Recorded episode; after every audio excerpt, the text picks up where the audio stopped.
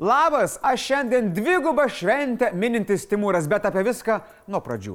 Šiandien yra tiek žinių apie paskutinę, paskutinio sovietų sovieto kelionę. Ukrainos kontrpolimą Hersone, vis dar girdima rusiškų vagonų garsą Lietuvoje ir kaip vokiečiam sopa galvelė supratus, kad su rusų draugauti neįmanoma.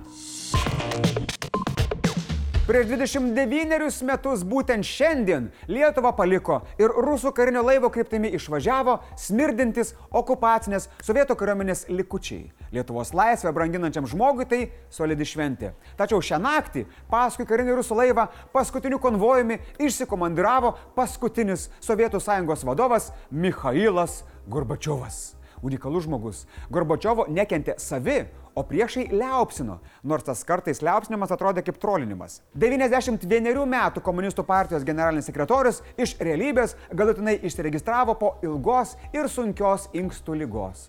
Krašto apsaugos ministras Arvidas Anušauskas Gorbačiovą vadina nusikalteliu, kurio įsakymu buvo žiauriai malšinami taikus protestai Vilniuje ir kitose mirusios sąjungos miestuose. Kadenciją baigęs prezidentas Valdas Adamkus pripažįsta, kad vertinti Mikhailą gali tik neigiamai. Kaip sako, Mikhailas Lietuvai niekuo nėra pasitarnavęs. Pasisakė apie Mišą ir Vytautas Landsbergis. Pasak jo, mirė kalinys, kuriam taip ir nebuvo leista pačiam galvoti ir savo mintimis kalbėti. Landsbergis teigia, kad byla su Gorbačiovu yra baigta. Tuo tarpu Vilniaus teismas sako taip, bet neskubėkit. Kadangi Gorbačiovas jau klausosi Kobzono koncerto, teismas spręs dėl jo teisų perėmėjo civilinėje byloje dėl atsakomybės už sausio 13-ąją. Teisų perėmėjai visi veiksmai atlikti procese iki jo įstojimo yra privalomi tiek, kiek jie būtų buvę privalomi tam asmeniui, kurio vietą jie užims. Paprastai teisų perėmėjais Lietuvoje tampa mirusiojo giminaičiai. Kaip bus šiuo atveju, pamatysim. Na, o Sovietų sąjungos okupacijoje negyvenę vakarų valstybių vadovai gedi pas Žirinovskį išėjusio Gorbio. Pagrindinė to priežastis - Myša sugriovė Sovietų sąjungą ir atnešė Rusijai demokratiją. Šio neveltui dėmėto vyro gedi Joe Bidenas, teigintis, kad po dešimtmečius trukusių žiaurių politinių represijų jis ėmėsi demokratinių reformų, vadino jį retu, drąsiu ir vaizduotę turinčių lyderių. Na, kad Gorbė vaizduotė tikrai buvo laukinė, byloja faktas, kad jis rusus, tai yra tauta, gulagose išžudžiusią milijonus savų, sugebėjo įsivaizduoti kaip demokratišką visuomenę. Nu, bajaristas, ne? Netrūksta bairistų ir gyvųjų tarpę. Štai gedi ir Junktinės karalystės premjeras Borisas Johnsonas. Taip, pasak kurio Putino agresijos prieš Ukrainą metu Myšos nenuilstamas įsipareigojimas atverti sovietų visuomenę išlieka pavyzdžių mums visiems.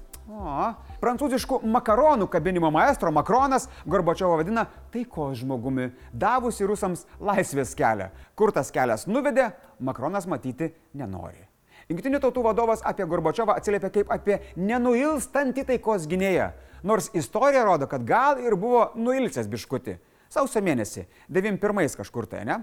Liūdnai stebina ir netgi NATO vadovas. Janso teigimu, Gorbačiovo istorinės reformos vedė prie Sovietų sąjungos panaikinimo, padėjo užbaigti šaltąjį karą ir atvėrė Rusijos ir NATO partnerystės galimybę. Aš jaučiu, kad jūs tokie diplomatiški nenorite būti. Jeigu jums smagu, jeigu jums malonu, kad Gorbačiovas iškeliavo, spauskite like po šio video. Tai, kas šiuo metu vyksta Ukrainos Hersono apylinkėse, yra labai įdomu. Kontrpolimas ten nevyksta tiesaus šturmo būdu.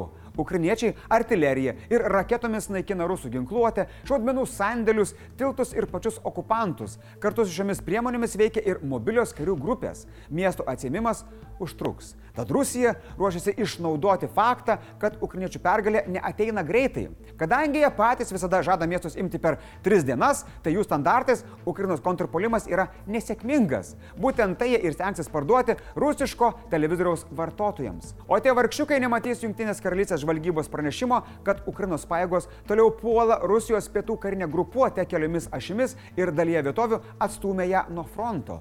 Dar rusų zombinės dėžės vartotojai nežinos, kad Krymą okupavę rusai per daug neatsipalaiduotų ten netikėtai užsidegimo būdu denacifikavosi naftos saugykla. Bet rusams gal dar ne viskas prarasta. Ukrainos užsienio reikalų ministras Dmitro Kuleba teigia, kad kai Rusija nustos gyventi fantazijų pasaulyje, gali atsirasti langas daryboms. Bet kai rusai fantazijų pasaulyje gyvena jau virš šimto metų, tai darybos jiems irgi yra fantazija. Neseniai rusų okupantams Zelenskis pasiūlė bėgti ir pasiduoti. Šį kartą tą patį siūlo Kuleba. Net jei vienas rusų karys padėtų ginklus ir išvyktų, tai reikštų išgelbėtas ukrainiečių gyvybės ir greitesnę taiką. Na ir šiaip, greičiau sėsi, greičiau išeisi. O Tatena inspektorių komanda jau atvyko į laikinai okupuotą Zaporižės atominę elektrinę. Nors agentūros vadovas teigia, kad jėgainėje jie praleis kelias dienas, ten veikiančios okupacinės administracijos pareigūnai pranešė, kad misija te truks vieną dieną. Rusai yra kaip bičiai Tinderyje pasakoja, kaip ten susitikę viską darysit, mm -mm, kaip jie tave mylės, viską, viską. Susitinki ir po minutės viskas baigėsi. Seimo narys Raimondas Lopata paleido nemenką informacinę bombikę. Pasak jo, iki šių metų kovo 28 dienos per Lietuvą į Kaliningradą vyko karinis tranzitas. Krašto apsaugos ministras suskubo neikti informaciją. Pasak jo, tranzitu buvo gabenamos ne karinės paskirties priemonės, o paprasčiausias kuras, kurio kelionės per mūsų šalį buvo nutrauktos kovo pabaigoje. Anušausko teigimu, į Kaliningrado sritį kasmet nukeliaudavo po 4-500 cisternų. Tai vyko nuo 2015 tik geležinkeliu. Ministras taip pat paneigė liberalo Lopatos kalbas, kad apie šio kūro tranzitą informacija buvo slepiama nuo Lietuvo žmonių. Šie duomenys nėra slapti ar ribojami. Yra dar ir kita problema su tranzitu. Nors atsiskaitimai už sankcionuotų prekių tranzitą per Lietuvą turėtų vykti ir toliau, tačiau gali būti, kad jie striks. Finansinių nusikaltimų tyrimų tarnyba sako, kad norėdami padaryti pavedimą, Lietuvos geležinkeliai turės kiekvieną kartą žemai nuleidę galvą klausti ir įrodyti, kam tas pavedimas reikalingas. O dabar vaikai turi jums myslę keturgyslę.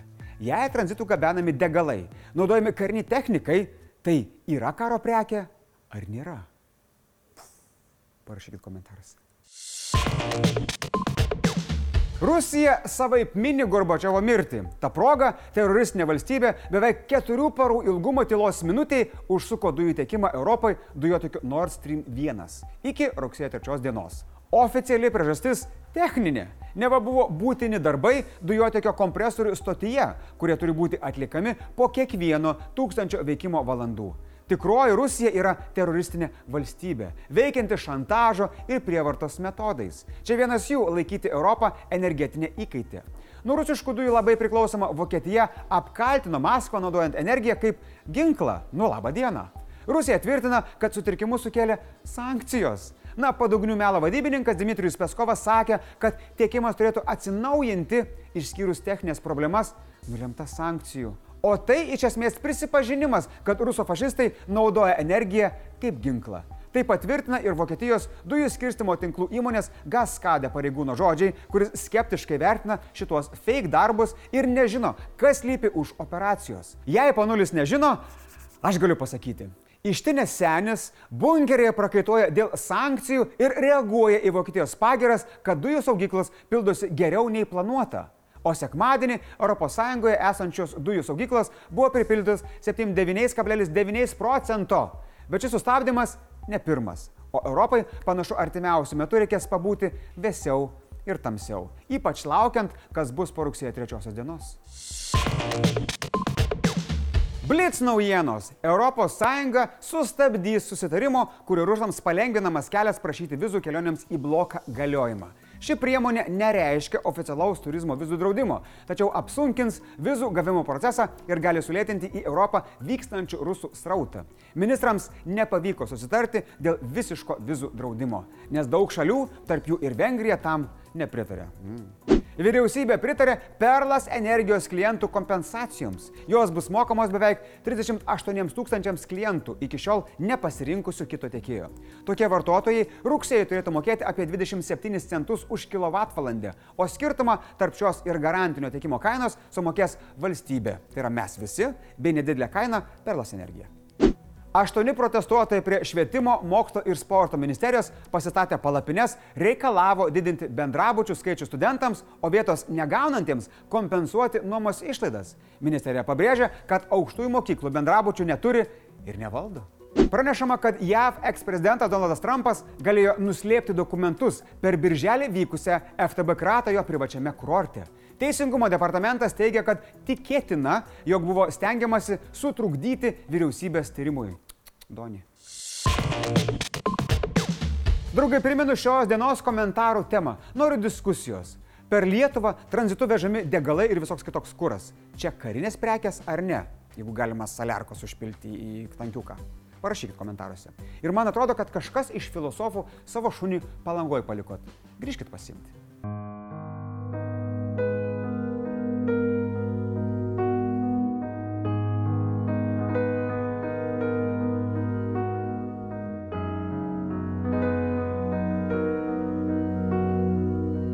Rytoj čia bus Silvija, šiandien tiek žinių, iki.